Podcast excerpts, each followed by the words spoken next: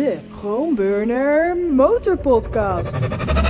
Van harte welkom iedereen bij de Chromeburner Motor Podcast. Ondertussen editie nummer 35. Nog steeds Ik moet, met moet Joost? Joost Overzee van Kickstart, Ivan van der Valk van Nieuwsmotor.nl. Zoals je, het, zoals je het aankondigde, welkom bij de Kroonburger Motor. Dan denkt iedereen van, nou, die zijn wel echt al een, een uurtje aan het, eh, aan het voorbereiden geweest. Ja, maar ja, on- ongeveer, denk ik, anderhalve minuut Joost zit de lezersbrieven nog te Ik zit lezen. de Ja. lezersbrieven nog te doen. En ik ben Arno Jaspers van Oh, ja, maxmoto.be. ja, dus eh, welkom allemaal bij deze aflevering waarin we het gaan hebben over een aantal events die er de afgelopen dagen geweest zijn. Eh, voornamelijk classic bikes komen aan de orde. En verder zijn er ook wel een aantal nieuwe modellen gepresenteerd. Het ene al interessanter dan het andere. Ehm, waar we het straks nog over gaan hebben zijn de motoren waarmee we gereden hebben. Weet niet, Ivan, heb jij nog met nieuwe dingen gereden? Nee, niet. Nee, de NT Top. 1100, maar dan wil ik het niet over. Top. Dat is echt waar. Heb je er wel mee gereden? Ja, natuurlijk. Ja, ja. Ja. Dat is Waarheen? onze lange duurtest. Waarheen? Ja, gewoon hier in de buurt. Constantinopel op. en Nee, nee, nee, ja, precies. Nee, eh, onze jongens nemen hem één voor één mee. Hij is net in Oostenrijk geweest. eh, Oh. Weer terug. Lekker band. Ah, Eh, kloten. Maar eh, eh, In kloten. een fonkelnieuwe Michelin eronder, hè? Die Road Oh. 6. In, eh, Ja. in Oostenrijk. Bam, dat ding lekker. Ja, maar ja, een spijker is een spijker. Ja, Eh, precies. Dus, Ja, eh, moet je maar dus geen dat. burn-outs lopen doen. Ja, nee, nee, ook dat. Dus, ehm, maar eerst en vooral gaan we het En hebben... daarna, Eerst en vooral Wat- en gaan we het hebben over... Daarna? motorjournalistiek. Ja, motorjournalistiek. Ja, Daar moeten we het ook even Ja, over Gaan we hebben. het over Even. onszelf hebben. Ja. Ons we eigen gaan beginnen. We gaan beginnen met het eh, woke-onderwerp van de week. Eh, de gelu- geluidspalen in Amsterdam. Daar heb jij van Ja. alles over te zeggen, Joost. Nou ja, eh, ik las in eh, fan, een nieuwsmotor, zullen we maar weer zeggen. dat is toch makkelijk, eh, zo'n Ja. medium. ja zeker. Nee, dat in Amsterdam eh, is er... Ja, de- jij hebt het geschreven, dus jij kan het veel beter uitleggen Nee, eigenlijk. maar ja. in ieder geval in de... In de, de, de Worldwide Capital of Tolerance, dat daar geluidspalen neergezet worden. Of in ieder geval staat er al eentje ergens. Eh, en dan komt er nog meer Ja. eentje dat als jij eh, met te veel decibellen langs komt rijden, dat er dan staat te luid of Ja. iets. Ja, Nou, ja. eh, ik, Ja, daar komt ook bij als je niet genderneutraal bent, dan komt dat ook in beeld, zeg maar. Zo'n hoofdstad begint het te worden hier in Nederland. maar eh, Oh, dat laten, we lekker, ap- Ja, laten we nee. lekker apolitiek blijven, over jongens. tolerance gesproken. weet Ja. Ja. ja. Nee, je hebt een punt. Eh, die, dat ding komt er en eh, staat er al. En eh, het is een beetje een opmars, want er komt dan alleen in beeld te luid. En that's it. Ja, te, eh, te luid. Ja. betekent ook nog niet eens te hard of te, te asociaal of weet ik, te luid. Dat is een hele brave term. Eh, maar die komen dus ook in Rotterdam. En het is uiteindelijk een aanloop, denk ik. Eh, dit is een soort van test om te kijken als, of ze daar echt wat mee kunnen. En als dat zo is, dan krijg je straks gewoon een, eh, wat in Utrecht een knak genoemd wordt. Een bekeuring als je eh, te veel geluid maakt en daar voorbij komt. Ja, dat zit er steeds meer aan te komen. Dat hele geluidsgezeik, dat wordt steeds erger. De nummerplaten die worden dan ook geregistreerd of Nu zo? nog niet, Of, nu nog eh, niet. nee, niet, maar nee, dat, eh, nee. dat zit er wel Ja, uit ja, te dat komen is de natuurlijk. voorloper van. Ja. Alright. Ja. Er komt gewoon een paar. Eigenlijk is het een heel simpel dingetje. Je hangt een, eh een LED-schermpje op met een geluidsmetertje erbij. Als dat dingetje hoger gaat dan eh 87, 97, 107 decibel, weet ik veel. Nou, dan gaat Ja. te luid, gaat het gaat aan. Oké, dat hebben we in België dan ook met die bordjes te snel. Ja, ja, ja. waar iedereen ja, dan ja. probeert de high scores te verbreken. Dus Ja, ja. ik heb het altijd met mijn trailway. Als ik dan... eh, Ja. Yes, op de- 50! Ja, ja, u rijdt te snel, eh, Ja. waar je dan 70 mag. Dan precies. Ja, duidelijk. Ja. Ehm, nou ja, goed. Wat is er op tegen dan eigenlijk tegen geluidspalen? Want we moeten toch Hmm. stil zijn voor Ja. elkaar. eh Ja, het Ja, sprak hij, Het lampje gaat aan. Nou, oké. Cool. Ja. Ja. Nee, ik, eh, ja, eh Paul, nee. nou ja, wat is het probleem dan eigenlijk? Eh, nee. Nee, dit, alleen dat dit de opmaat is naar wel een probleem. En Precies. waarbij ik me dan kan voorstellen. nog steeds vind ik het gewoon geen probleem als je met je open acra een bekeuring op de mat krijgt in een stad. Ja. Mhm.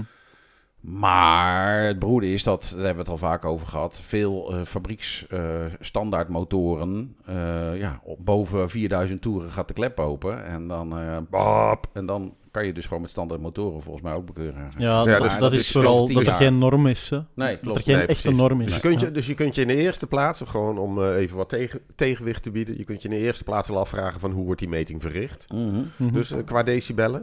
De volgende, is, is da- eh, volgende punt is, is dat in Parijs, rond Parijs zijn er ook een aantal van die geluidspalen. En die liggen dan toevallig in de, vooral in de Yvelines. Dat is dat gedeelte ten zuidwesten van Parijs. En dat is eigenlijk een beetje om de hoek bij eh, Versailles. En dat is de eh, hoe heet het? de, de, de buitenwijk, zeg maar, de, het buitengebied voor de gefortuneerde Ja, ja, Parijzenaars. ja. Oh. Nou, dus dan, dan raak je eigenlijk al zo'n beetje de juiste snaar. Want in Amsterdam is het natuurlijk ook, weet je. In Amsterdam is, eh, ik heb er zelf 15 jaar gewoond in het verleden.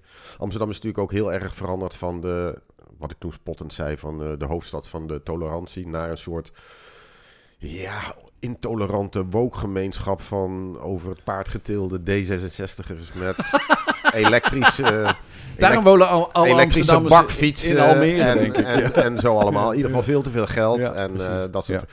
Nou, Almere, daar moeten we het zeker niet over hebben. Maar in ieder geval, het, het, het valt dan wel weer op dus dat juist in iets waar je, waarvan je denkt, ja, een hoofdstad, ja, dat moet toch bruisen. En daar is nou eenmaal meer geluid. Dat juist daar dan weer van die geluidspalen komen. Kijk, dat je zo'n ding op de Veluwe neerzet, dat snap ik. Ja, ja nou, ik, ik, eh, goed punt. Ik Dat, stel dan eh, altijd de ja. vraag van, hoe was dat vroeger? Hoe was het dan in de Niet. tijd dat iedereen met de over? CB750 met open eh, Marshall-pijp dat- eh, dat- rondreed? dat- dat was dan werd er gewoon niet over gezeurd. We waren Nee, foto, foto's aan het maken op de dijk met motor 73 in de tijd. En Ja. dan kwam er een boer naar boven. Ja, je moet er godverdomme veel harder in, man. Dat is heel zachtjes. Ja, ja, echt zo. Ja, ja. Hoe ga schreeuwen met dat ding? Ja, joh. Ja, dus het is echt gewoon een ding van we wonen nu met te veel Ja, mensen het is, eh, het bij is elkaar. en- absoluut dat- een teken destijds. Ja. Het is Ja. absoluut een Ja. teken destijds. En, eh, het is ook veel drukker gewoon zeg Ja. maar, in Nederland. Het is natuurlijk ook veel druk. En ik snap, weet je, want dat schijnt in Mm. Rotterdam schijnt dat nogal te spelen. Dat daar in die regio Koolsingel en dergelijke, dat ook op ja, weekendavonden, dat dan ook van die gabbertjes in hun eh Hondaatje CRX en dergelijke de hele dag op en neer Ja. rijden daar zo. met een- CRX Del Sol. Ja, nou prachtig. Ja, ja, de CRX Ja, ja, ja. Del Sol. Ja, Met open ja. uitlaten. Ja, Nou, tegenwoordig hoor je dat eh, Dus hier in dat- de stad ook. Van die, van die eh, Johnny-auto's had je vroeger Ja. al. zeg. Ja, Johnny dan niet En de. Johnny-auto Ja. had alleen zo'n grote, eh, zo'n grote regenpijp eronder. Maar Ja. tegenwoordig hebben die ook al die quickshifters volgens mij. En Ja. die bam bam bam, wat wij op motoren Ja, al Ja. pops eh, en bangs hebben. tuning, hè. Pop- dat. Precies. Ja. Nee, Maar goed, ik wil, en- ik wil ja. even het bruggetje maken richting, eh, richting vroeger, omdat we natuurlijk eh, de afgelopen dagen een hoop eh oldtimer-events, ja, oldtimer classic bikes, zou ik maar zeggen, goeie events gehad hebben. Gelijk verbieden. En ehm, ja, nee, dat vind ik helemaal niet verbieden. Dat is het mooi- mooiste wat er is, man. Nee, voor mij alsof- ja, ik heb daar helemaal niks mee met al het die zijn gewoon de motoren uit jouw jeugd. Nee, ik heb het hier ook al gezegd. Ik heb helemaal niet zoveel met classic bikes. Zeker niet om, om zelf mee te rijden of te hebben. Dat vind ik, eh, ja, Maar laat Die me ding- raden, die dingen op gaan Spa stuk. worden zo leuk. Maar op Spa, als je dan de Bikers Classic Ja. hebt, waar eh, ineens zo'n Michael Dunlop op zo'n oude tweetakt eh, RGV gaat rijden en, en nog een hoop echt, echt oud spul, dan is het wel enorm cool om te zien. En dan Ja, maar jij niet- vindt alles op Spa leuk. dat is absoluut waar. Het is het mooiste circuit ter wereld, maar niet alleen op Spa, ook op Chedin, wat eigenlijk... Jedin? Wat Ja, is dat? Jedin- Jedin was afgelopen weekend. Wat de hel dat, is dat? eh, ja, ja. doe, doe jij maar als Jedin? Wat het is ook. Jedin? Jedin, dat is een circuit. eh, dat is zo. Daar wordt zo authentiek eh, motor gereden of geraced. Dat zelfs eh, Jonathan Godin, de Ah, fameuze fotograaf, zeker. daar een heel boek aan gewijd heeft. Tracking Ja. Master. Ja. Ja, en eh Jedin is ja, een bekend stratencircuit, een legendarisch stratencircuit ook. Mhm. Cool. En eh, daar wordt ook nog echt, echt, echt serieus geraced. En eh, het, ik ben er nooit geweest, helaas. Ik, eh, Oh. ik was afge... Nee, helaas niet. Maar het is ook wel, geloof ik wel weer de walm van eh, hamburgers en... ehm, en, en Het geluid ja, van de- sirenes. Ja. Nou, dan niet zozeer het geluid van sirenes, maar in ieder geval van eh vieze nagels. En eh, Cool. in plaats van dat Ja, ja. zo'n zelf sleutelen in, in, zelf de, wei, in de weiland. in, het eh. weiland. En eh, ja. Moeder de vrouw die dan in de keuken staat. eh, Ja, Chedin is gewoon een, een, van de coolste, een van de coolste events hier in België is voor, Ja. voor classic Jedin. bikes. Nou, het is- Geef me eh, volgend jaar een tip, dan eh, ga ik daar eens Het kiezen. ligt Ja, een beetje aan de grens met Frankrijk. eh, Het is eh, vergelijkbaar met, eh, met de races in Chimay, met het verschil dat ehm ja, Chimay is een grote driehoek waar heel hard gereden wordt op de rechte stukken. Er zitten een paar chicanes in en that's it. En Jedin is echt gelegen in een mooi heuvelland waar je als toeschouwer toch nog meer overzicht hebt. ehm, waar je als rijder vooral op een hele mooie baan rijdt. Ja, Ik durf het niet vergelijken met Spa-Francorchamps natuurlijk, maar het is, er zitten echt wel ja, big balls, Zeg maar Isle of bochten in. Man en- versus Northwest Ja. 200. Ja, ja, maar dan ja, zonder- die, die ja. stijl ga je echt ja. meer uit. En vooral ook, wat ik een belangrijke vind, op Chimay heb je altijd één weekend classic bikes, één weekend de moderne eh, superbikes die daar racen.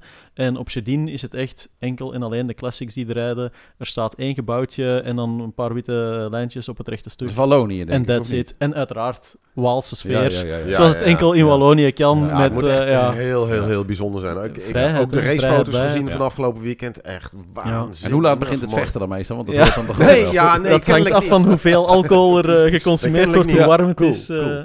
Ja, Nee, eh, overigens hoorde ik jou zeggen Bikers Classic, maar dat heette dit jaar Bikers Festival. Ja.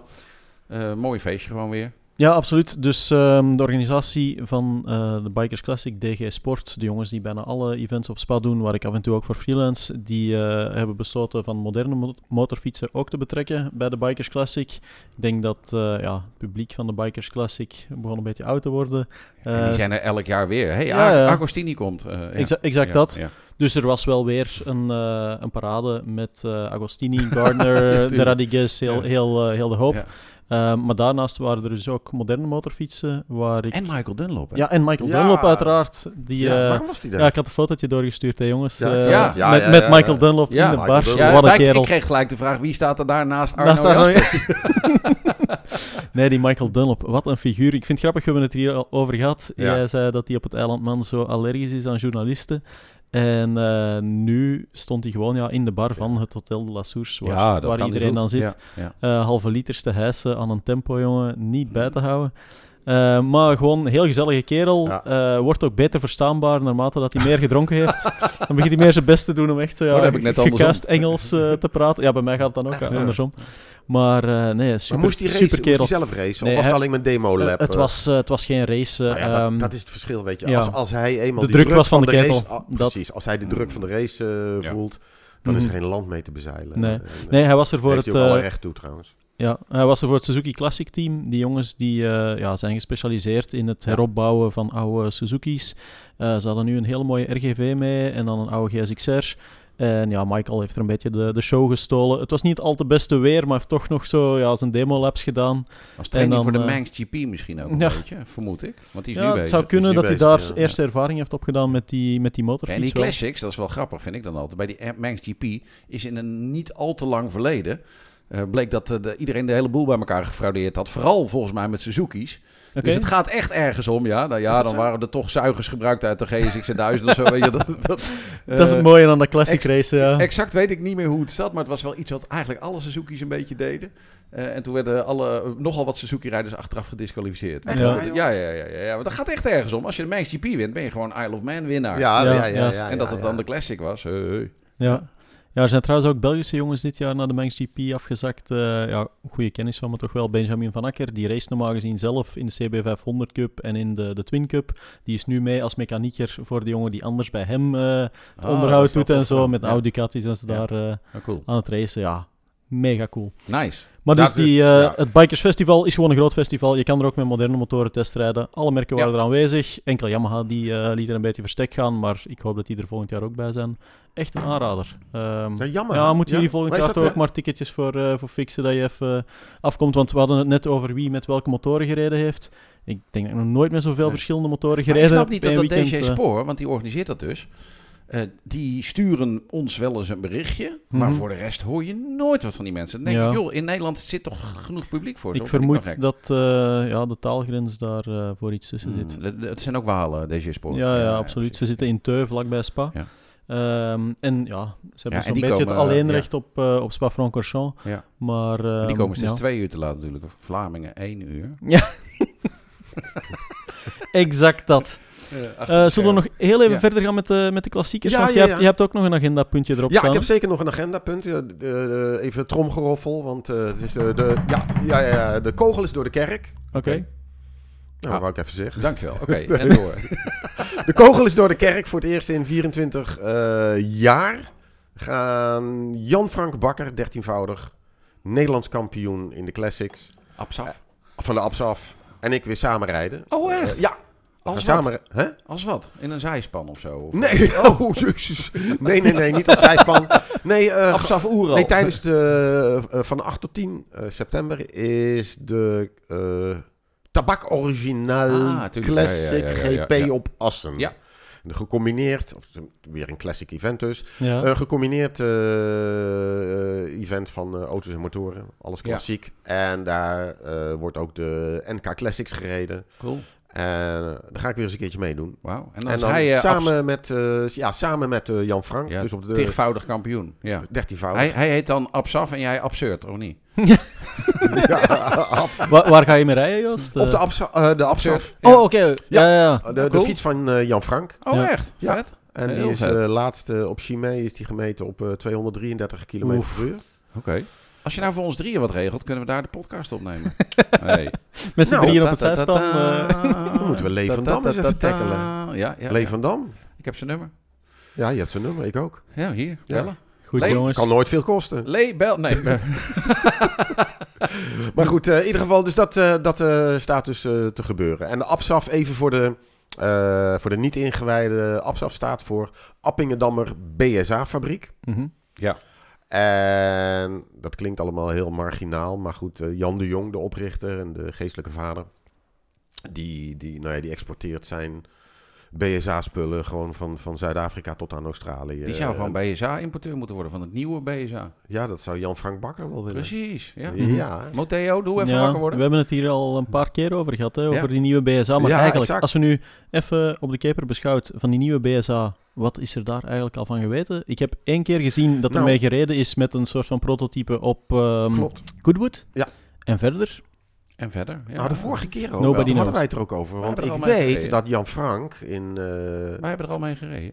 Jawel, Nee. maar van JFB-motoren in, eh, in, eh, in het Hoge Noorden. Dat Jan Frank zit al tijden te azen op het importeurschap. Mhm. Maar de vorige keer zei jij ook uit uh, betrouwbare ja, ja. Belgische bron dat, Dat het- ging Ja, doen. dat is ook Mhm. logisch, want die heeft Peugeot en het is allebei van Mahindra. Dus, Exact. ja. Exact. Maar- Maar, dat maar wordt- verder is er nog geen enkele Nee. motor in het wild gespot in, Nee, het eh, punt is in wel een Nederland beetje, bij. Motteo is lastig. Die zijn super druk met scooters. Hebben we de vorige keer eigenlijk ook wel een beetje aangegeven. Mhm. En die doen dus eh, wat motortjes erbij. En da- eigenlijk is dat zonde als die ABS zou, eh, AB BSA zouden gaan doen. maar daar lijkt het dan wel op. Ik bedoel, eh daar gaan ze niet uit de handen geven, Ja. lijkt mij. Alright. En door. Ja, Eh, en door. dat was het. Ja. Ehm, ik denk dat dat een mooie doorsteek is richting eh, de nieuwe motorfietsen die er aangekondigd zijn. Want hoewel de zomer een beetje toch eh stille periode is qua, qua heet nieuws, zijn er wel een aantal nieuwigheden.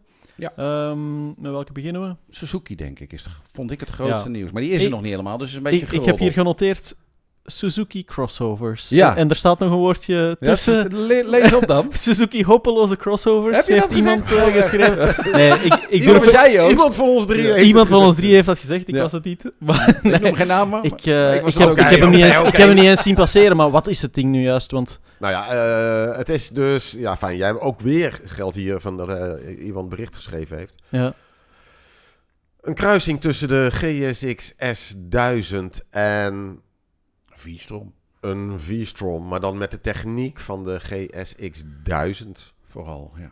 En wacht, dan dat kan iets heel cool zijn. hoger- dan, dan heb je dus nou ja, hogere veren, eh, Ja. hogere veren, de looks van een allroad heb je eigenlijk een, een BMW S1000 XR van Suzuki? Ja, Ja. dat. Ja. Ja. Oh, dat is toch helemaal niet hopeloos? Nee?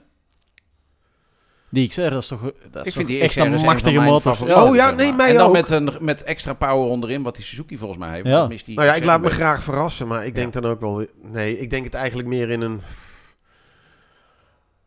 Jezus, Mina, als ik al lees, als ik al lees van oké, het is het blok uit 2005 van de GSX, en dan denk Klopt. ik... En het chassis van de Mm. GSX en de, uit GS, de 2015. chassis van de Dat GSX S en zo Ja. van...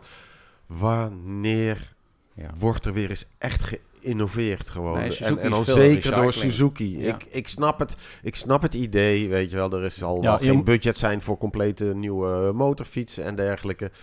Maar boy, het is, het, het is zoen... Ja. Maar hij kan, maar dat wordt dan wel een beetje een toevalstreffer. Zou die heel goed kunnen zijn. Als, want ze zeggen volgens mij het chassis blijft hetzelfde als de GSX S1000 GT. Die Fantastische ze nu chassis. hebben. En de, Ja, en de, geweldig hè. Dus dat is er allemaal. Ja. Alleen, ah, jij hebt wel een beetje een punt natuurlijk. Als je dat volledig als basis blijft houden, dan blijf je binnen een bepaald pakket, probeer je er het beste uit te halen, maar wordt het heel lastig. Hmm. Terwijl Als je iets nieuws zou kunnen maken met een nieuw chassis, ja, met dat blok erin, dan zou ik dat wel cool vinden. maar- maar... je hebt ook wel een punt, het is eigenlijk recycling allemaal weer. Het is- nou, dat, exact dat. En dat, daarom is het hopeloos. eh, dat ik- vind ik- het hopeloos. hij kan supergoed zijn. Jezus, Hij hij kan kan supergoed zijn. zijn. Natuurlijk. En dan misschien wel beter dan die XR. Ja. Want die XR die is wel helemaal nieuw gebouwd en is echt wel een super Nou ja, laten we- laten we dan- helemaal nieuw gebouwd. Helemaal nieuw gebouwd. Laten Nee, we de blok is uit, de, duidelijk uit de zijn. S1000 Dat RR. is- Ja, dat is Nee, ook het blok uit de Ja, S1000 maar RR. dat Dus chassis hebben ze wel volledig nieuw gebouwd. Ja. En dat gaat, lijkt er nu op dat Suzuki dat gaat doen met het bestaande chassis. En dan langere vorkpoten en misschien Ja. de balhoofdhoek een beetje Kijk, aanpassen. laten we, laten we hopen in ieder geval dat in navolging van de GS... Oh jee, daar gaan we. Oh nee! De GS ik ben blij dat ik er niet ben. 8S... G- Ja, GSX 8. Oh, 8S. GSX 8S. Ja. Rolt toch zo van de tong, Joost. Ja. GSX 8S? Van alle juichende GSX 8S. verhalen, van vooral van jou, van over de GSX 8S of zo. Ja. Dat, dat Suzuki ook met dus, de, eh, met dus de nieuwe crossover, dat ze inderdaad iets bedenken waardoor die een ongelooflijk goed en misschien wel innovatief Maar wordt. die 8S die was volledig nieuw. Ja. Hè, En eh, waar ik me eh, even zijsprongetje, de GSX 8S en de V-Strom 800, die zie ik eigenlijk qua verkoopcijfers nog niet helemaal terug. Nee. Dat is een beetje zorgwekkend. Er worden meer De V-Strom 800. 650's Ja, verkocht maar dan dat- V-Strom ja. 800's. Ja. Maar In er kan ook in leveringsproblemen zijn hoor. Dat kan, ja, eh, sowieso. In Nederland zijn we van eh, nooit te Eh, duur. En die zuinig. 650 Ja. is gewoon een briljante ja, daar hoef je niks aan te doen. nee. Ja. Oké, ehm, dat was eh, de GSX. ja, ik wil nog even benadrukken. Ik kijk er echt wel naar uit, Ik naar ook. dat ding. Ja, ja. Dat kan, dat kan echt een superleuke motorfiets worden. 42 pk of zoiets, meen ik. Of 100. weet Ja, zoiets zal, het wel worden. Ja, Ja. zoiets zal het wel worden. Als ik de dat, is, dat is ook die- de vraag die ik mij erbij stel. Van, oké, het is een stukje recycling dat ze doen, maar tegelijkertijd, dat K5 GSXR-blok, daar kan je 180 pk uithalen. Nee, zeker. Kan je naar koppel tunen, Ja, dus qua veelzijdigheid geen Nou ja, probleem. misschien is het... eh, de- de Chassis Ja. kunnen ze ook wel bouwen, dus hoeft niet noodzakelijk hopeloos En, te zijn. het is hetzelfde als, als Desmo, weet je wel. De, de, de Desmo is echt iets voor oude knarren, zoals eh, ik bijvoorbeeld of zo. En zal dat missen, maar de, gewoon de, Zal ik je zeggen wie daar de, gewone, een beetje consu- mist? de gewone consument die zal dat ook werkelijk worst wezen natuurlijk ook. En dat zal bij een GSX... Ik zit dan te janken inderdaad van, jezus, weer dat blok uit 2005. Maar, ja. maar de gewone consument die denkt, ja, dikke snikkel, eh kan mij het schelen. Volgens mij in die branche kom ik er nu, of in dat, in dat segment kom ik erop dat volgens mij BMW de boot volledig aan het missen is. Oh. Ja, BMW die heeft de S1000 XR, leuk. Maar Ja. eigenlijk zou je een S1000 G, eh, S 1300 GS straks willen. Op basis van de GS gewoon een, een, een 17-inch wiel eh, gladde banden ding, zeg maar. Oeh, Supermoto GS. Eh, Nou ja, gewoon, eh, een, gewoon een weer- crossover Gewoon weer als GS. de, als de HP... eh, ja, maar de GS is toch Ja. al een crossover? Nee, want de GS heeft nu lange veerwegen en grotere wielen. Maar gewoon 17 inch, straatbanden eronder. eh, de vering daarop aanpassen. Al, de hele motor daarop aanpassen. Ja. Zoals de NT 1100. GS Pikes Peak. GS Pikes Peak. GS Ja. Ik denk dat dat een Ja. goede naam is. Misschien moeten ze het team maar even De- eh, wat voor patent we in opnemen. Duitsland? Eh, Schnitzelberg. Heudel, Heudelkneudel. Weet ik veel. Heudelkneudel. Ja, nou ja, dat is... ja. Ja, jongens, we moeten die ideeën hier opschrijven en Ja. patenteren. Want eh, Ja. ja, maar eigenlijk inderdaad, een, eh, een GS-racer. Een boxer racer, dat is- dat is niks Ja, nieuws. Je geen kan- racer, zou maar perfect nee, een. Pikes Peak. Ja. Precies de Pikes Ja. Peak. Ja. Een Pikes eh, pieken. Maar uiteindelijk zie je dat andere merken daar al grotere stappen in maken. eh, denk ik. En dan is de NT 1100 het beste bewijs. Mhm. Ehm, maar er zijn meer van. De Versys 1000 is ook zo'n ding. Eh, de, het is ook gewoon een, een all-road motor met straatvering Vind- en Vind banden. ik ook een geniaal ding. Ook een geniaal, Ja. geniaal ding, absoluut. Versus 1000. Ja, ja, Ja, absoluut. Ja. Vind ik echt goed. Ja, Ja, ja, ja. ja. Misschien En, moeten ze dan ook maar eens nadenken over een, eh, een 12, KTM 1290 Adventure uh, Grossglockner Maar die hebben Edition. ze. Die hebben de S. Nee, maar die, Oh hebben, ja. die is er al, de S. Ze hebben de 12 maar die heeft Adventure Die heeft S. ook een 19 duimer vooraan? Volgens mij heeft hij twee keer 17. Maar dat durf ik niet eerlijk te zeggen. Maar in ieder geval is dat de straatversie. En ja, de R is je dan hebt een straat en een adventure. En maar de die straatversie staat op straatversie. 19 duimer vooraan. Staat Voor, niet op een oké, 17 nee, duimer. nee, dat ik, zou ik ben het even kwijt. Ja. Maar, dat Ja, maar dan vind ik al een redelijke toenadering dat je echt met straatbanden dat ding kant en klaar bouwt. En daar doet de GS, heeft dat nog gewoon nog niet. De GS crossover. Nou ja, dat. Goed. Zijsprong. Ja, leuke zijsprong. Maar terug ter zake. Ja, ik zit, al, ik, zit al, ik zit al drie minuten al te Ik ben- luisteren. ik ben ook denk al- van, waar gaat dit over? Maar goed. Oké jongens, ter zake. Eh, er is nog iets nieuws gepresenteerd. Minder eh, interessant qua cc's en vermogen. Maar wel ja, een leuk motortje voor A2-rijbewijs. De Duke 390 die Ja. wordt vernieuwd. Ja, ja, ja. ja ik weet, ja. jij hebt over tijd nog met die RC390 eh op Die racer. eh, kartbaantje zeg maar, gereden. Ja, Ja. ja. Ja, Ja, ik- ging goed. Op Ben- het dak van het Fiat gebouw was dat die introductie? Nee, waar was dat? Eh, Oh, dat kan ik me ook herinneren. Ja, Ja. ja, ja, precies. Nee, dat was dat was niet 125 en 390, ah, denk dat ik. kan wel. Ja, ja. Op het dak van dat ge- Fiat Nee. gebouw ligt een testbaan en daar werd aan gereden met die dingen. Ja. Ja, oh ja, ja, dat weet ik. Ja. Oké. Ja. Nee, maar de, de RC, of eh, Ja. die Duke 390, Mhm. dat ziet er wel uit. Want het is heel bijzonder, want het chassis is echt wel veranderd, het Ja. frame. Hm. En het blok schijnt helemaal nieuw te zijn. Ja, nou daar zeg Ja, ik nou ja, goed, oké, maar grotendeels ja, vernieuwd. Ja, En En dan dan- chassis heb je zeker een punt. 100%. En dat is dan toch wel weer Ja. iets moet om over het hoofd te zien. Ja. Ik heb het niet erg in detail bekeken, maar ik vrees dan altijd bij die middenklassertjes van... Is het nu echt vernieuwd om hem beter te maken? Of is het echt vernieuwd omdat hij in India gebouwd kan worden en dat ze er daar een hoop van willen sluiten? Dat hij goedkoper ja. gemaakt kan Het is een worden. KTM, dus een Pierer ding. Dus eh super slim, want in Azië verkopen ze een 390 als de Uber Premium. Mhm. hè, de, de, de, de, de, Dat GS, is daar een Super de- Duke, De, eh, de, ja. de KTM 390 Pikes Peak is dat dan eigenlijk zeg maar Ja. van, eh, eh, van, van Azië. En bij ons wordt die verkocht als eh, betaalbaar Ja, leuke A2 instap- eh, eh, opstapper. instapmodel. Ja, ja, en super... En, ja, Pieren hoef je dat soort dingen niet uit te leggen. Die snapt Nee. het supergoed. En het chassis is volgens mij echt nieuw. Alleen ja, het beroerde is, dat kan je nog even moeilijk vergelijken. Dus daar ga je dan maar vanuit. En het blok zeggen ze ook veel dingen van dat het nieuw is. Wat opvallend is, is dat hij al Euro 5 Plus eh, is. Daar moet straks iedereen aan voor 2024 al. Alleen daar hoor je helemaal niemand over. Nee. Maar, eh, dat moet wel gaan gebeuren. Dus iedereen zal toch wel weer een paar pk'tjes in gaan leveren, denk ik dan. Ehm, dus het, het is gewoon eh, gaaf. Ja, dat, Ja. En Absoluut. een dik TFT-scherm erop. Dat vind ik altijd mooi. ja, want dat, is doen ze bij KTM echt goed. ja, naar, naar alle andere merken is dat een hele dikke fuck you.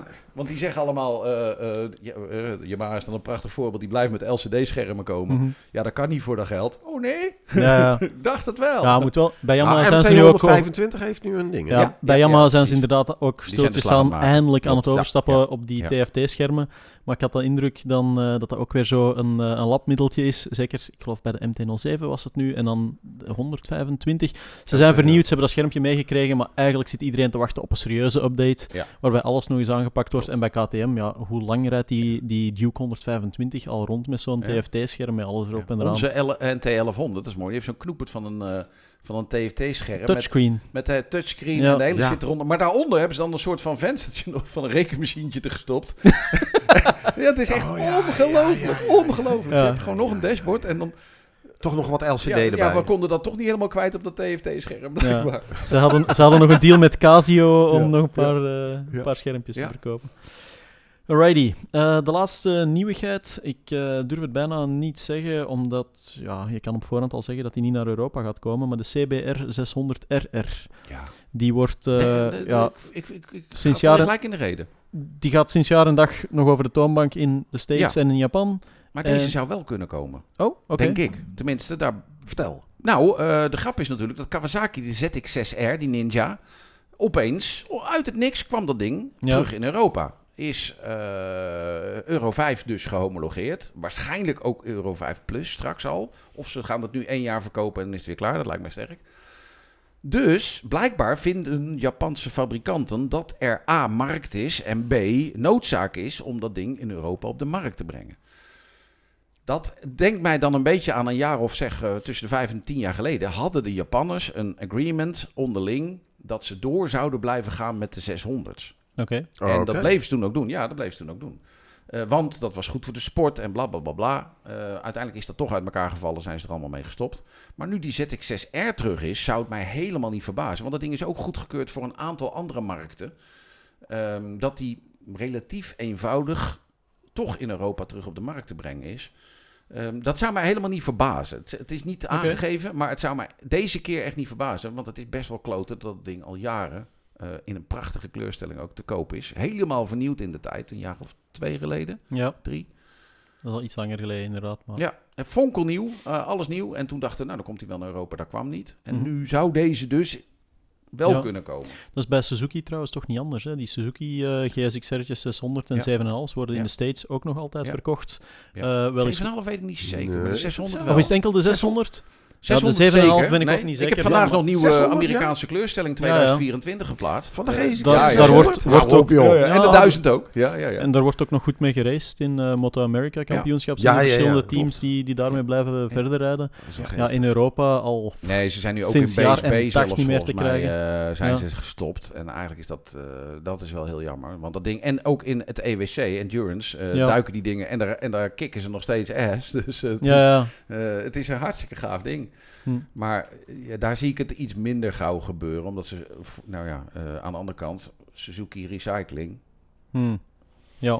Ze brachten Ja, dat en ding in is het ook- 2018. Is het ook geen fabrieksondersteuning natuurlijk. Nee, Daar nee, is het nee, gewoon... eh, Ja, dan Ja, nu wel een beetje half-half met Yoshimura. dat. Maar het grappige is, in, ik meen dat het 2018 was, brachten ze dat ding met variabele kleptiming. Toen dacht iedereen, nou dan kunnen we weer jaren kunnen we mee. Ja, ja, ja. Ja. Meest bizarre beslissing ooit. Fonkelnieuw ding. Oh nee, we doen hem niet homologeren voor Europa. Ja. ja, die jongens hebben toch een aantal rare beslissingen genomen. Hè? Met hun. MotoGP-project ook. Klopt, eh, klopt. ja. Ja, ja. Misschien nog één klein laatste onderwerpje voor de pauze. ehm, waarover nog niet heel veel geweten is, maar wat we zeker wel moeten aanhalen. Aangezien we toch over racen bezig zijn.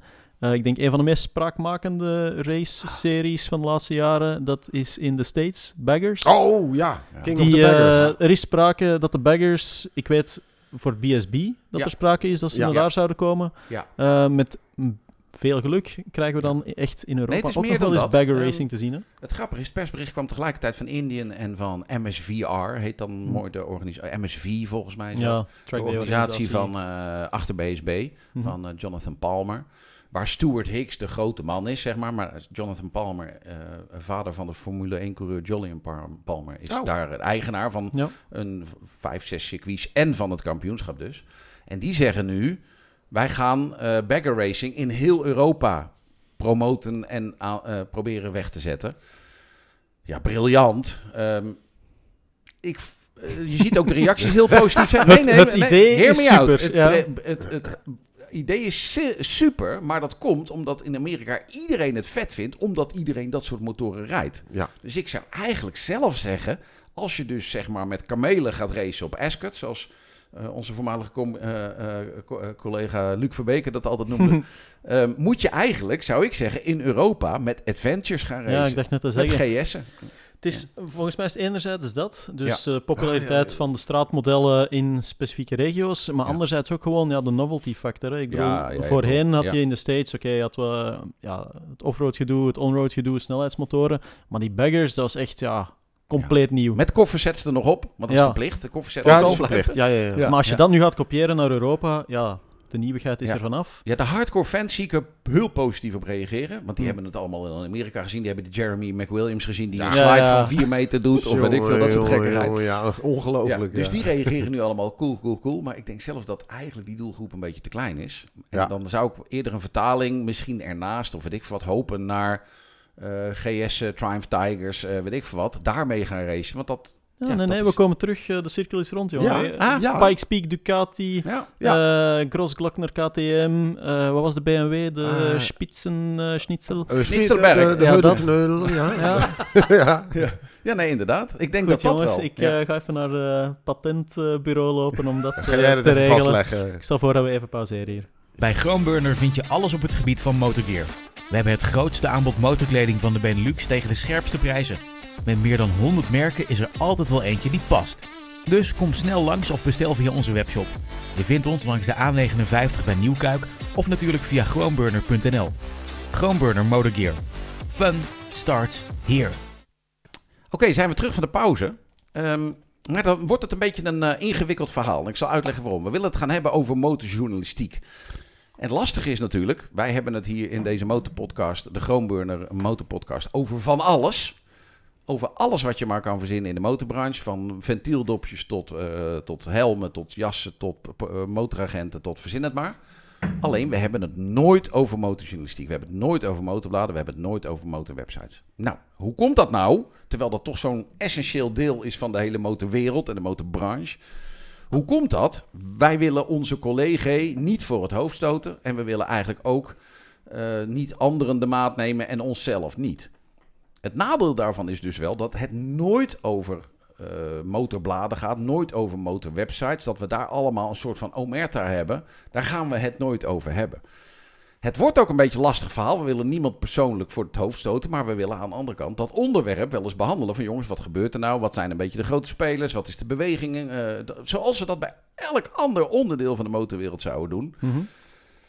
Dus ja, daar gaan we. Ehm ehm, Ja. Motorjournalistiek hebben we dan iets breder genomen, zeg maar, wat er allemaal gebeurt. Eh, we werken allemaal als motorjournalist, hebben allemaal voor een blad gewerkt in het verleden. Ik heb voor Motor 73 gewerkt en Motor Magazine daarvoor nog. eh, Ja. Performance Bikes Nederland. Ik ben begonnen bij motoren en toerisme. Ja. Eh, Motorwereld zat daar destijds ook nog Oh ja, bij. ja. Dat is dan eh, gestopt.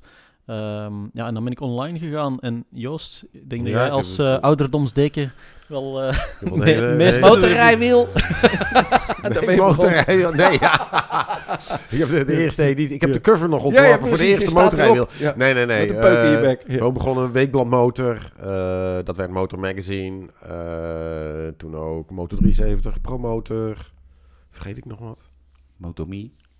Ja, Motomie gedaan natuurlijk. Ja? Ja, ja. Ja, ja, maar heb ook nog Motor- nooit natuurlijk. een, Dat eh, ook een ja. Ja, dezelfde mensen als waar jij Motomie mee gedaan hebt, heb ik Motorklik meegedaan eh daar, daarvoor, zeg maar. Daar zijn nog, eh, is nog dat een YouTube-account een, eh, van. magazine? Nee. Nee, dat was een Nee, dat was- online eh, ja. ding, net zoals Ja. Motomie dat was. Ja. Ja, eigenlijk, als je zo begint te denken, er is toch een hoop verschillende media in eh, de Benelux.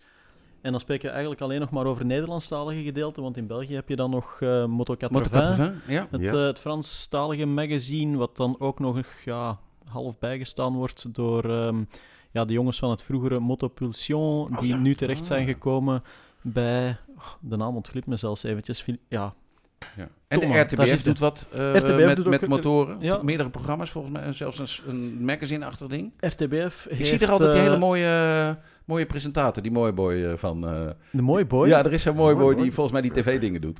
Kijk, we gingen Ja. geen mensen voor het hoofd stoten. Nee, maar nee, dat- nee. dat- ja, we spreekt toch geen Nederlands. Nee. Dat geeft niet. dat is toch een compliment? RTBF heeft vooral eh, ja, op eh, RTBF Audio hun, eh, hun online services. Daarop kan je bijna alles van de MotoGP terugkijken. Dus Ah, dat is voor heel veel eh, Ja. Vlamingen en ja, misschien ook wel eh, Nederlands, ja, Nederlanders gewoon een heel makkelijke manier om gratis MotoGP, natuurlijk- Moto 2, Moto Zit 3 daar te geen kijken. geoblok op dan? Nee, Oh, Denk nee. niet?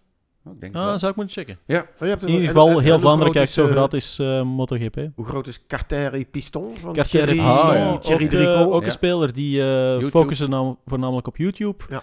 Ehm, ja, ook geen, eh, geen kleine jongen. En Thierry, Thierry is natuurlijk ook zo'n figuur die draait al jaren mee, heeft voor alle magazines Ja. gefotografeerd, eh, tot ver in het buitenland, organiseert reizen in Marokko nog steeds. Eh, je hebt gewoon zo'n aantal journalisten waar ja, ik onszelf eigenlijk ook wel graag bij reken. Ja, mensen die echt in de sector zitten, die, voor wie motorrijden ja, meer is dan gewoon een levensstijl. Ja. Eh, ja, dat, dat ga je werk. gewoon nooit kunnen, Ja. kunnen wegdenken. Ja, nee, ik wil zeggen, het is, het is niet alleen werk, het is echt een levensstijl. Dat Ja. was wat ik wilde zeggen. Dat is bij Thierry net hetzelfde. Hij is, ja, oorspronkelijk was hij fotograaf, maar hij schrijft ook. En nu is hij goed met die filmpjes bezig. En ja, Ja, dat vind ik wel mooi. Eh, dat, dat veel mensen in deze branche zichzelf steeds opnieuw uitvinden. En dat vind ik altijd het meest zichtbaar aan. Één, we staan opeens allemaal met, als een konijn in de koplampen staan we video's te maken. Dat hebben we jaren nooit Ja, gedaan ja. Ja, En twee, eh, al die ex-coureurs zie je dan in hun leren racepak met knee-sliders erop opeens alleen nog maar op allroad zitten. Dus die hebben zich Ja. ook moeten omscholen van circuitrijden naar eh offroad rijden.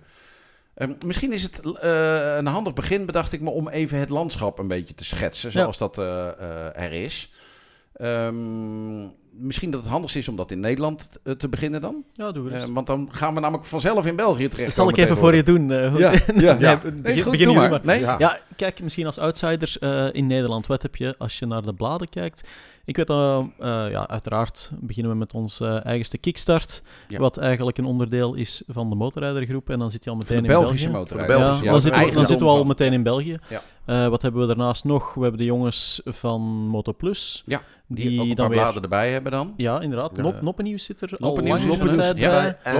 Ze hebben ook een classic. En eh, een- een- Motorrijwiel. Het motorrijwiel. Motorrij- Of nee, motor klassiek. Een van, nou, het Nee, motorrijwiel. het Nee, motorrijwiel we hebben ze zijn weer goed Ja, geïnformeerd. eh. ja, Ja, ja, helemaal ik zit niet. zo in die classics. Eh, daar is overigens eh, wisseling van de wacht een beetje aan de gang.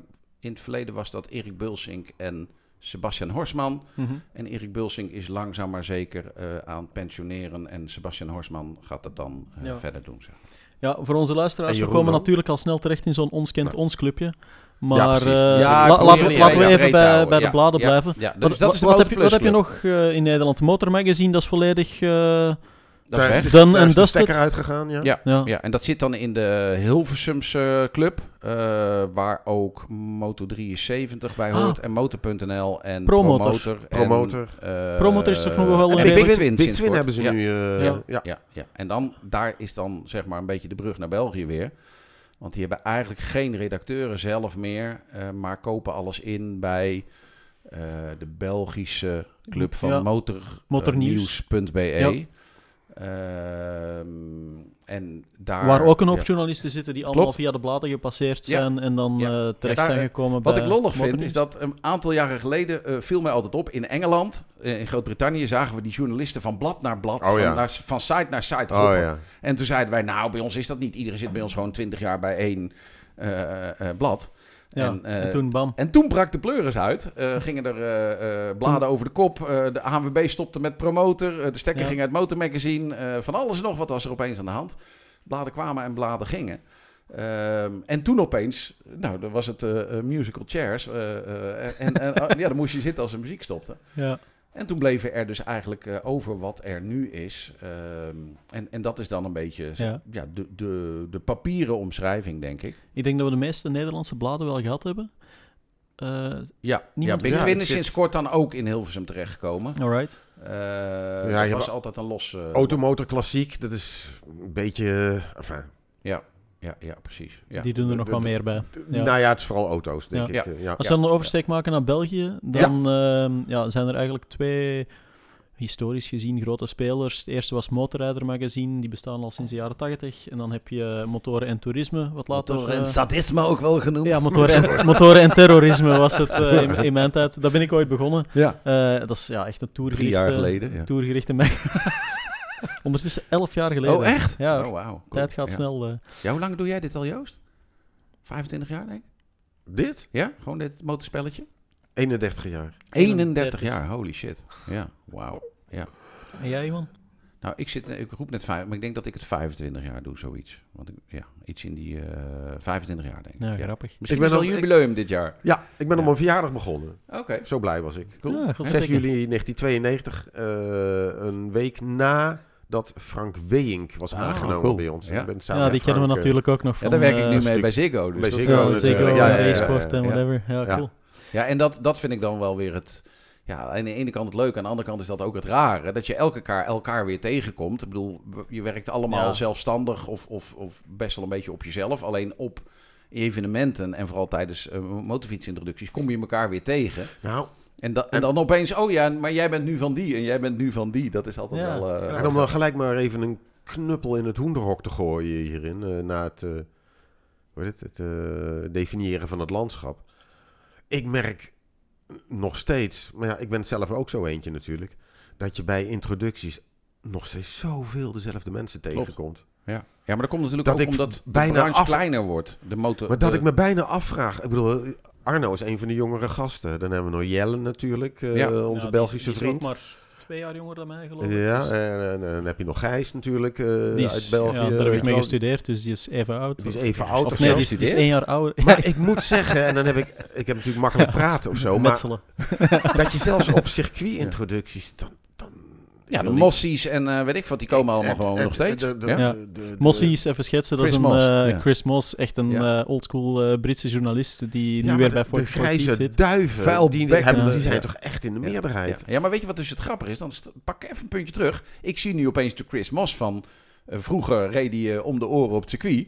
En nu opeens zit hij te kloten op een 4 800 DE. eh, Ja. In de offroad de laatste keer, weet je wel. Dan denk je opeens, ja, we zijn allemaal gewoon omgeschoold. Ja, maar waarom is er geen verversing? Nou ja, dat, is heel eenvoudig. Dat vind ik, omdat dat vind ik er- een punt. Want Ja. er zijn er een paar inderdaad, Nee, dat is zoals een heel Arno. eenvoudig antwoord. dat ze- Omdat het alleen maar kleiner wordt. Niet om het, heen. het is niet onaardig bedoeld, maar de motorbladen... eh, toen ik bij Motor 73 werkte, verkochten we 30.000 nummers. En als we de Supersport 600 test deden, verkochten we de 10.000 extra. Ja. Alleen op de Supersport test. Ik denk dat je het helemaal bij het verkeerde eind hebt, maar ik zal je En uitleg die, li- die ligt bij de kiosk. Lag bij de kiosk, dan verkochten ze 10.000 losse nummers extra. Die tijden zijn heel erg anders geworden. Ik bedoel, ik geloof dat Kickstart onder de 5.000 zit. Ik geloof dat Motor 73 Ik onder de het niet. 10.000 zit. Dat, eh, eh, vroeger waren dat openbare cijfers, dat is niet meer zo. Maar 10.000 Eh, oplagen bedoel je? Oplagen, ja. Ja, verkochte oplagen. Dus niet gedrukte oplagen, maar verkochte. 10.000? Ik- Dat denk ik wel. En dat op. eh Halen Motor ze Plus, die zegt rond de 25 te zitten. Maar ik weet ook wel dat als je ooit geadverteerd hebt als motorzaak... dan krijgt al je personeel nog jarenlang dat blad opgestuurd. Dus eh, dat zijn... Ja, ja, ze eh, maken goede reclame voor zichzelf. Precies, dus dat doen ze supergoed. Maar dat zijn de aantallen nu. Dus bij elkaar heb je het nu eerder over 30.000 dan wat alleen Hm. Motor 73 deed. Ja. Dus daardoor zie je dat al die redacties enorm uitgekleed zijn. En dat, dus er gaan Ja. maar alleen maar mensen af en er komen geen mensen bij. Daar ben ik het mee eens. Maar ik denk dat je het verkeerd ziet, omdat de sector wordt misschien een stukje kleiner, maar verandert vooral. En oké, wij hebben nu volle bak de verandering van papieren magazines richting online gezien. Eh, ja, dat was voor die papieren jongens natuurlijk ook moeilijk, want die hadden schrik dat hun website ging concurreren met hun magazine en dit en dat. Er moest een online verdienmodel opgesteld worden en gaan zo maar door. En dan zie je nu eigenlijk weer dat die online nog meer is doorgetrokken richting de social media, de influencers Ja. die erbij Ja. komen. En op de duur is het voor een merk de marketeers die erachter zitten, die de boel dan ook draaiende willen houden, die, die ja, advertenties kopen, sponsoren en zo, ga zo maar door.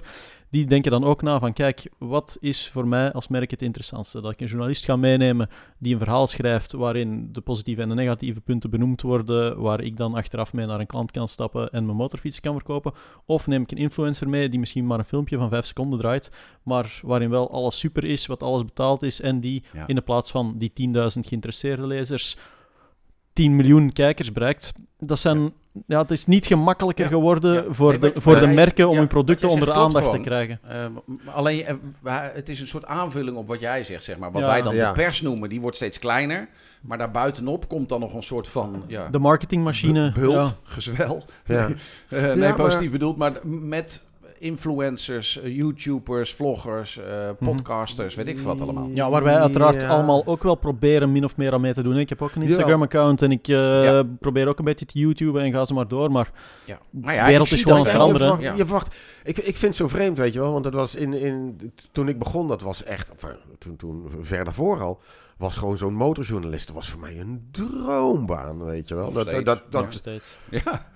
Dat vond dat, dat Anders was een, Toen de tijd was Ja. een Dirk Evers, Jezus Christus, dat was iemand, Ja. weet je wel, allemaal. eh, Ja. En, en dat soort namen, die kende je gewoon. Dat waren mannen die konden, die reden op al die Ik kwam motoren. ook die, via Dirk Evers deze branche binnen. Nou ja, Nogmaals weet je wel. bedankt, Dirk. Ja, dus weet je wel, en die, die, die, die oude garde, maar dat was echt iets waar ik, waar ik heel erg tegenop keek. Maar dat mis ik ook heel erg. Ja, maar toen ik in de branche kwam, keek ik tegen jou op, eh, Joost. Dus, eh, Ja, dat is ook waar. Ja, dat, ja dat is, nee, echt. Ik dacht, Misschien.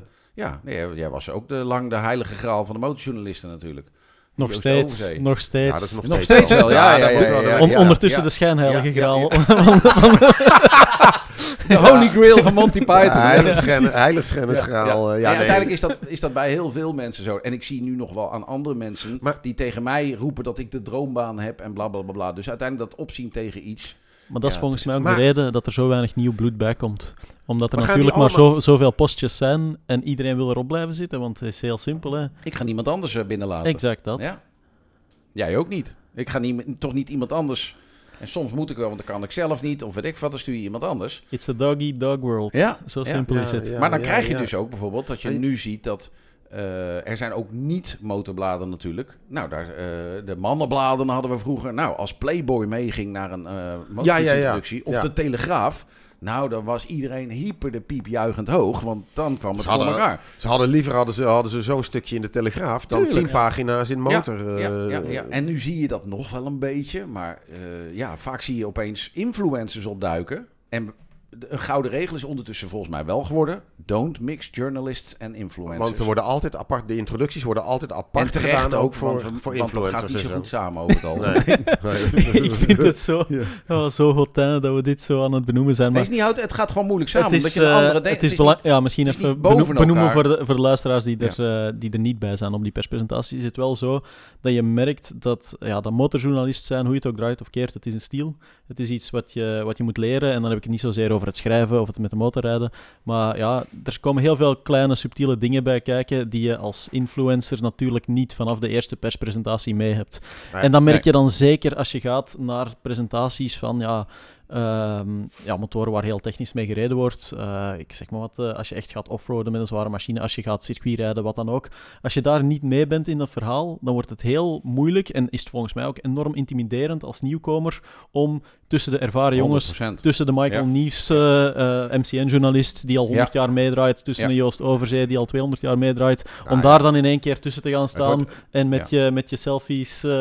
Weet je, ja, dat, dat is gewoon heel moeilijk. Dus ik snap het ook wel dat, dat eh, de jongens van de merken dan zeggen van kijk, we organiseren het apart, want anders gaan er ja, gaat er commentaar komen op elkaar. Zo, zo werkt dat Nee, nu eenmaal de Wat, sociale wat ik ook al in dynamiek. eerdere instanties een keertje heb aangegeven. Weet je, was bij een Royal Enfield Super Meteor. En dan zitten we dan als oude knarren zitten we dan naar dat blok te kijken. Ah ja, wacht eens even. Ja, ja de stootstangen, dit, is al, dit en dat is al. En dan komt zo'n influencer aan en die zit naar het dashboard te kijken waar de USB-aansluiting zit. Ja. Dat vond ik Ja. zo treffend. Ja, ja, ja, Weet je wel? vond ik ja, zo treffend. ja. Maar jij hebt En dan zal ik hem er niet op aankijken, weet Ja. je wel, allemaal. Plus, Dat- laten we eerlijk zijn bij die influencers, eh, om maar iets te noemen, een Nicolo Canepa. Die kan je voor mijn part ook bij de influencers Want die. YouTube-filmpjes worden bekeken door zoveel meer mensen dan al wat wij ooit gaan schrijven. Terwijl die Ga- gewoon in dienst... Kijk, dat vind ik het Terwijl, lastige van die bij Yamaha in dienst is. Exact. En dat is de, eh, daar, daar wrijft het wel eens een beetje. Dat zeg maar wij als motorjournalisten.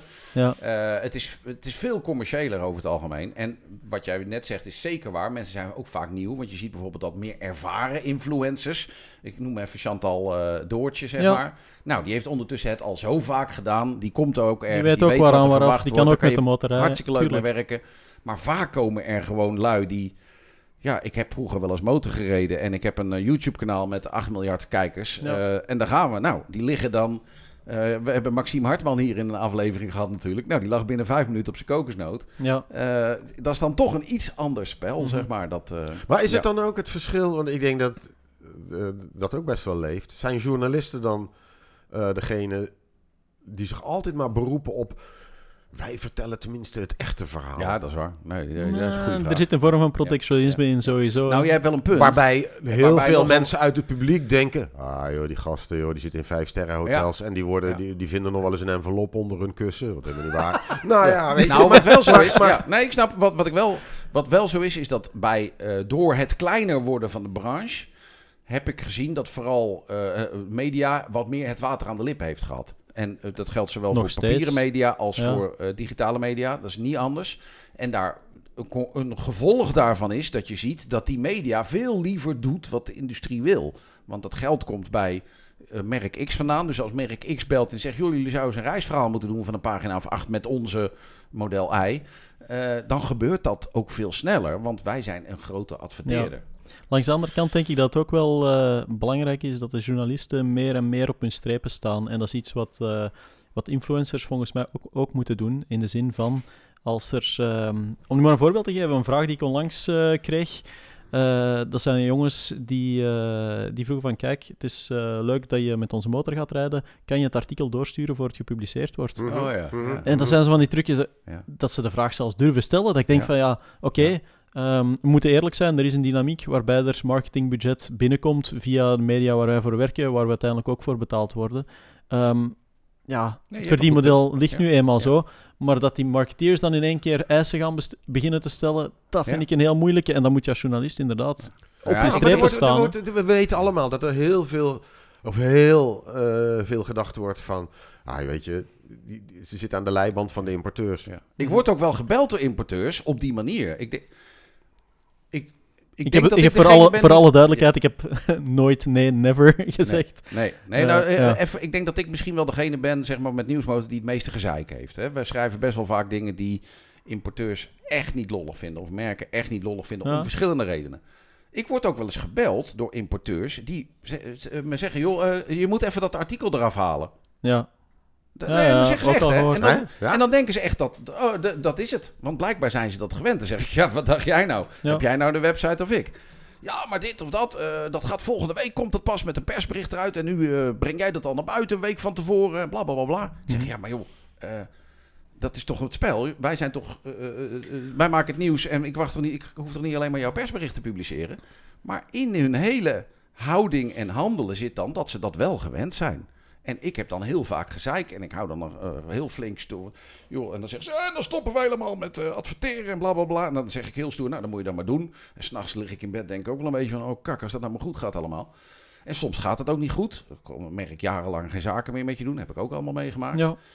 Dus de, in, in veel media is het wel zo. En bij influencers in mijn beleving nog veel meer. Dat de importeur of de Ja. fabrikant of Ja. de industrie of wie dan ook bepaalt. Ja. En als je dat niet wil, dan heb je vaak... Ik heb vaak gezeik. Ik heb vaak gezeik met Dat is de natuurlijk industrie. ook omdat Maar je gewoon zo'n verschrikkelijk vervelende kerel bent. Dat Maar scheelt ook. Nee, dat is ook waar. Ik denk ben dat ook bij een influencers- Eigenwijze lul eerste klas. Ja. Bij heel veel dingen zeggen ze mij... Ja, maar Iwan, het zit zo. zeg ik, nou ja, dan ga ik even kijken. Of ik bel even Ja. iemand om het na te vragen. Vinden ze ook raar. Ik bel heel vaak iemand, zeg ik, joh, ik heb dit en dat nieuwsbericht. Eh, hoe zit dat? Oh, oh, nou, eh, zijn we niet gewend. Ja, en langs de andere kant, ik betrap mezelf er ook wel op dat ik denk van ja, oké, dan kom je daar om een motorfiets te testen. Een product waar een heel team eh, professionals zoveel jaren ervaring aan gewerkt heeft. Ze hebben alles getest. Ze hebben met alle concurrenten gereden, want daar kan je zeker van zijn. Er wordt geen GS ontwikkeld door iemand die nog nooit met een Multistrada, een V-Strom, weet ik veel wat allemaal gereden 100% heeft. waar, 100%. En dan kom jij eraan als journalist Ja. en dan ga jij even zeggen... Ja, ja, ja. Ja, ja. dat knopje dat je daarop gezet Ja. hebt, Ja. godverdomme. Ja, maar Ja. weet je wat het is? Zij hebben, zij maar- hebben allemaal een map fuck, gekregen. Er is voor- voor een map gemaakt Ja. voor alle vertegenwoordigers waarin ze weten dat dat knopje, dat dat een beetje een dingetje is. Want alle testrijders Waar- hebben exact datzelfde knopje. Waar ze vragen Dus- over krijgen Ja, en waar dus de antwoorden als- staan er ja, dan al bij. Dus als journalist A vraagt naar knopje B, geef antwoord C. C, ja. Zo gaat het Ja, ook. ja, ja. Ja, dat is wel Want een ding. Dat is altijd zo geweest hoor. en trouwens, daarom eh. misschien het eerste woord waarmee ik begon is motorjournalistiek. En het lastige is... Kijk eens, echte journalisten lopen in eh, Syrië met een kogelwerend vest. Of in, in Oekraïne. Even serieus, hè? Wij zijn, wij zijn gewoon maar rommelaars eh, rondom motoren. Ja. Maar ik vind wel dat je altijd moet proberen dat zo eerlijk en goed mogelijk te doen. En dat slaat soms de ene kant op en sla- soms de andere kant op. Maar ik verbaas me wel eens over commerciële samenwerkingen. Dat eh, Motorblad X ook eh, het hele testevenement verzorgt voor eh, merk I. Ja, of dat Ja. dat is Motorblad op website X alle persberichten schrijft voor eh, motormerk I. eh, En die dat je alleen maar testen ziet van één bepaald Ja. motormerk in dat Klopt. soort dingen. Ja. Ook van, van een speciale Tankpad Edition, eh, Limited Ja. eh, Performance Precies. Edition, tralala. Ja. Dat soort gelul. Ja, Ja. weet je. Ja. Maar ik hoop alleen maar dat, ik vertrouw er dan maar op, dat de lezer dat dan wel in de gaten heeft. Van, ja luister, weet je, dat hele medium, dat Ja. wordt gewoon bekostigd door een, eh, een bepaald motormerk. hoe, ja. hoe het ook draaien of keren, ik denk dat iedereen in de sector altijd een beetje flirt met de grens tussen journalistiek en marketing. En dat Ja. het dan aan de luisteraar, onze luisteraars, lezers, kijkers, is om even gewoon ja, de oefening van follow the money te doen. En dat ze daar Ja. eh, zelf hun conclusies Nou ja, dat, maar ik denk- dat- ik- dat is niet altijd juist, vind ik. Want in een blad zie je vaak... eh, merk X heeft een test. Eh, vijf pagina's verder staat de advertentie van merk X. Ja. Dan Ja. zou je kunnen zeggen, de test is gekocht. Dat- dat- maar, en dat is soms... Een reisverhaal kan gekocht zijn. Of een, maar soms vind ik testen wel heel vlakjes. Nu trek je het heel extreem, maar Ja. ja. ja, sowieso onderwerpkeuze alleen al, dat wordt mee bepaald daardoor. Dat moeten we niet, eh, niet moeilijk over Nee, doen. nee, nee dat, dat- ik denk dat wel. Alleen ik, ik vind dat er wel verschillen zijn in wat dan het resultaat is van zeg maar de test. Ja, absoluut. Eh, en dan en aan de ene kant van het spectrum eh, de, de, de influencers, zeg maar, die zeggen het was een hele brute motor. Of eh, mannen, eh, mannen Ja, dat- eh, bladen kunnen dat ook supergoed. Het is, er- hij ziet er heel bruut uit. Eh, nou, dan, als het woord bruut gebruikt wordt, dan weet je al dat dat onzin is. Ehm, maar, maar aan de andere kant heb je, ja, dat... Straks even een search and replace Ik denk- doen. ja. Ik denk dat het. Kijk, ik, ik weet uit 31 jaar kan ik nog precies de tests in, in gedachten kan ik aanwijzen. Waarbij ik te positief ben geweest over een bepaalde motorfiets. Ik dat- ook. Jij ook. Ja, en daar rijd Ja. ik nu mee. NT 1100. Ik, eh, achteraf, eh, Ja. maar, maar ja, klopt. Ja. Ja. Ja. Ik ook. te Ik- positief ben geweest. Ik weet nog, ik weet nog, een vergelijkingstest heb ik eentje laten winnen. Dat was in 1998. En dat weet ik nog, omdat het me eigenlijk altijd zo, godvergeten nog, altijd dwars blijft zitten. R1? Anderen denken, ja, over de R1. Eentje Ja. over een vergelijkingstest Ja. met een, eh, met een eh, Super Blackbird, tralala, weet ik veel. En iets met de R1 inderdaad. En, eh, en dat zit me nog steeds dwars. Maar goed, dat, dat is eigenlijk heel sneu of zo. Want daar had ik me lang overheen moeten, moeten zetten natuurlijk. Ja, maar dat zie je. Maar ja, Dat maar dat hebben we denk ik allemaal. hè. Ja. Dat hebben we alle drie Ja. toch wel. Maar waar het niet om gaat, dat- is... dat- Ik heb je- kan, ik er niet zo specifiek de vinger op Ja. leggen, maar ik heb wel al gehad, hetgeen wat jij ook aanhaalt met die NT1100, dat je een perspresentatie doet in het buitenland, Ja. dat je denkt van, op een ideale is het. route. Ja, En dit, je komt dit op een is ideale het. route en je komt in, Je in komt Europa, terug thuis en je voelt je bekocht. En je denkt, jezus. Maar ze hebben die route, daar hebben, heeft een scoutingsteam heeft daar gewoon een jaar naar gezocht. Naar Ja, oké, route. maar dat is inderdaad dus het dingetje. hè. Zelfs, op de perfecte route, in het perfecte weer, met de perfecte voorrijder, Ja. vind ik dat, ja, ik ben er nu elf jaar mee bezig, dat je dan toch wel de ervaring moet hebben om te kunnen zeggen van, oké ja, zo rijdt hij. En Ja. dit zijn de dingen waar je thuis Ja. meteen tegenaan gaat lopen. En dat ik er toch met mijn twee voeten ingetrapt ben. En ik kan, ik kan niet meer pinpointen van motoren, maar ik weet inderdaad wel dat er sommige zijn geweest dat ik denk van... Er eens één. Godverdomme. Nee, ik, ik, kan, ik kan het echt niet direct zeggen. Maar tegenovergestelde, Wat ik, wat ik wel... sorry, tegenovergestelde trouwens ook, hè, dat je een presentatie hebt die helemaal in het water valt bijvoorbeeld. Ah, dat je denkt van, dit ka- tot en met. nat. Ja, en dan kom je thuis en dan ga je er eens een keertje mee rijden en dan, "Mwah, Ja. not too Maar bad." wat ik nog even over dat 98 verhaal, en ook voor mijn NT en voor, ook voor jouw eh, motoren die je liever geheim houdt. Ehm, het gaat er dan om, heb je dat naar eer en geweten, volledig naar eer en geweten toen gedaan? Daar gaat het om. En heb je niet gedacht, ik schrijf het maar een beetje zo op, want anders weet ik dat morgenavond hangt hij weer aan de lijn om 10 uur en dan schreeuwt hij tegen me en dan is hij boos. En dan is mijn hoofdredacteur boos en dan word ik er misschien wel uitgezwierd, Echt zoals in het verleden ook gebeurd is. Hè? Want daar heb ik ook bij gestaan en Echt, jij ook. Ik ook. Iemand die de VTEC 800 eh, eh, kapot schreef. En die daarna gewoon... eh, Versnellingsbak van een zouten. Phaser. Ja. En, ja, ja, ja, ja, Ja, ja. en dat is echt gebeurd. En daar, zit- er zit wel een hele aanloop aan. Het is niet Mhm. dat ene dingetje. Hè, de- de- dat, is te mak dat is te kort de bocht. Maar daar, dat is mijn vraag eigenlijk. Heb je ooit wel eens iets geschreven om mm, jouw moverende redenen, niet zijnde de motor zelf, dat die goed of slecht was? Nooit. Oké, check. Jij? Never nooit niet. Goh, dat kan ik echt niet... eh, Echt niet. Echt niet.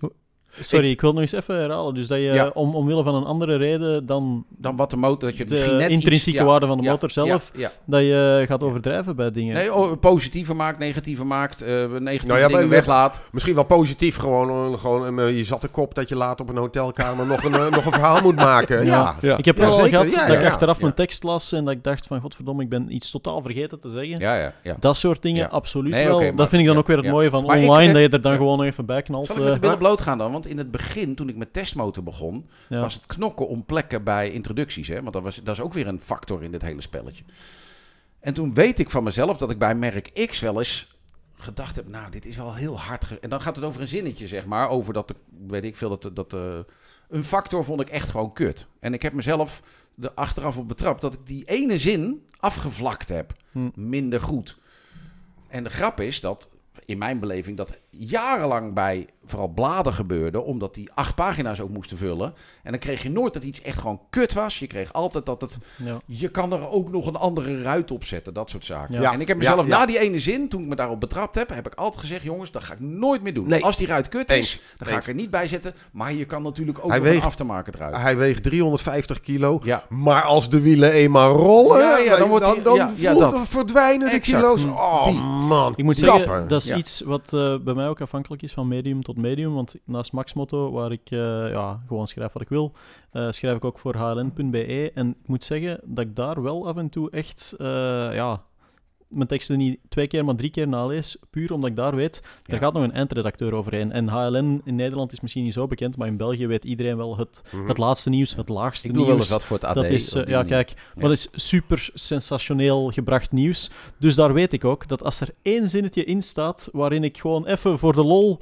er iets bij Dat wordt de streamer. dat is de titel. Ja, ja, Ja, ja. ja, dat ja, is, ja, dat ja. is de kop. Ja. En niet Ja. alleen dat, Ja. maar dat is ook de kop van het artikel Ja. waarvan je alleen de twee eerste regeltjes kan lezen en de rest moet je betalen. Premium. Ja. En dat vind ik dan Ja. ook niet eerlijk. Nee, dat vind ik echt niet ja. eerlijk. Dus Ja. daar moet ik toegeven, daar let ik wel Ja. op. Ah, oké, check. Maar verder, Ja. nee joh. Ja, ja. Nou ja, ik denk dat, dat die schuifbalk, dat dat echt wel aan de hand is momenteel. Ik zie echt wel dingen, eh, eh, eh, bladen, websites, eh, influencers die onder druk, zeg maar, van, de, ja, van, van, van eh, de, aan het eind van de maand moet de huur betaald worden.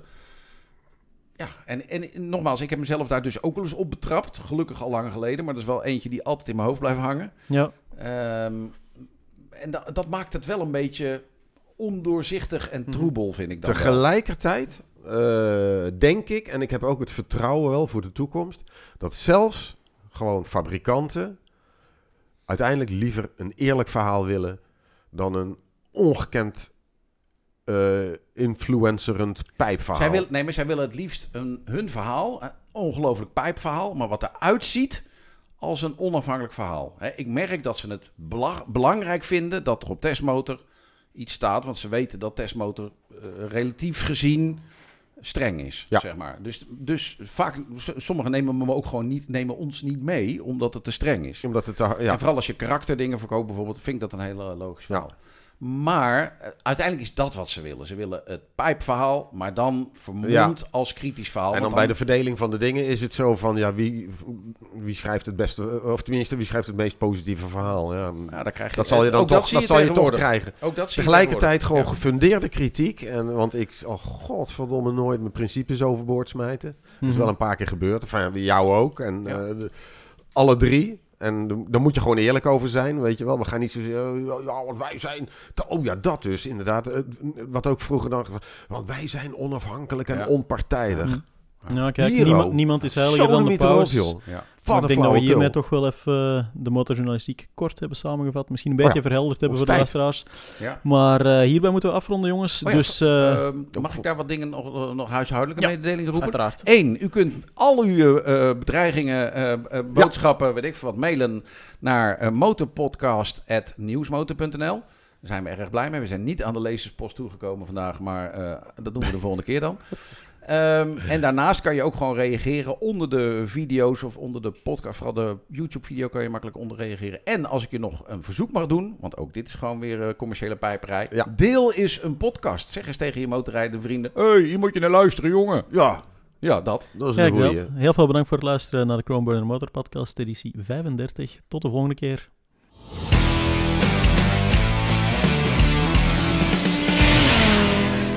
Dit was de Groenburner Motor Podcast.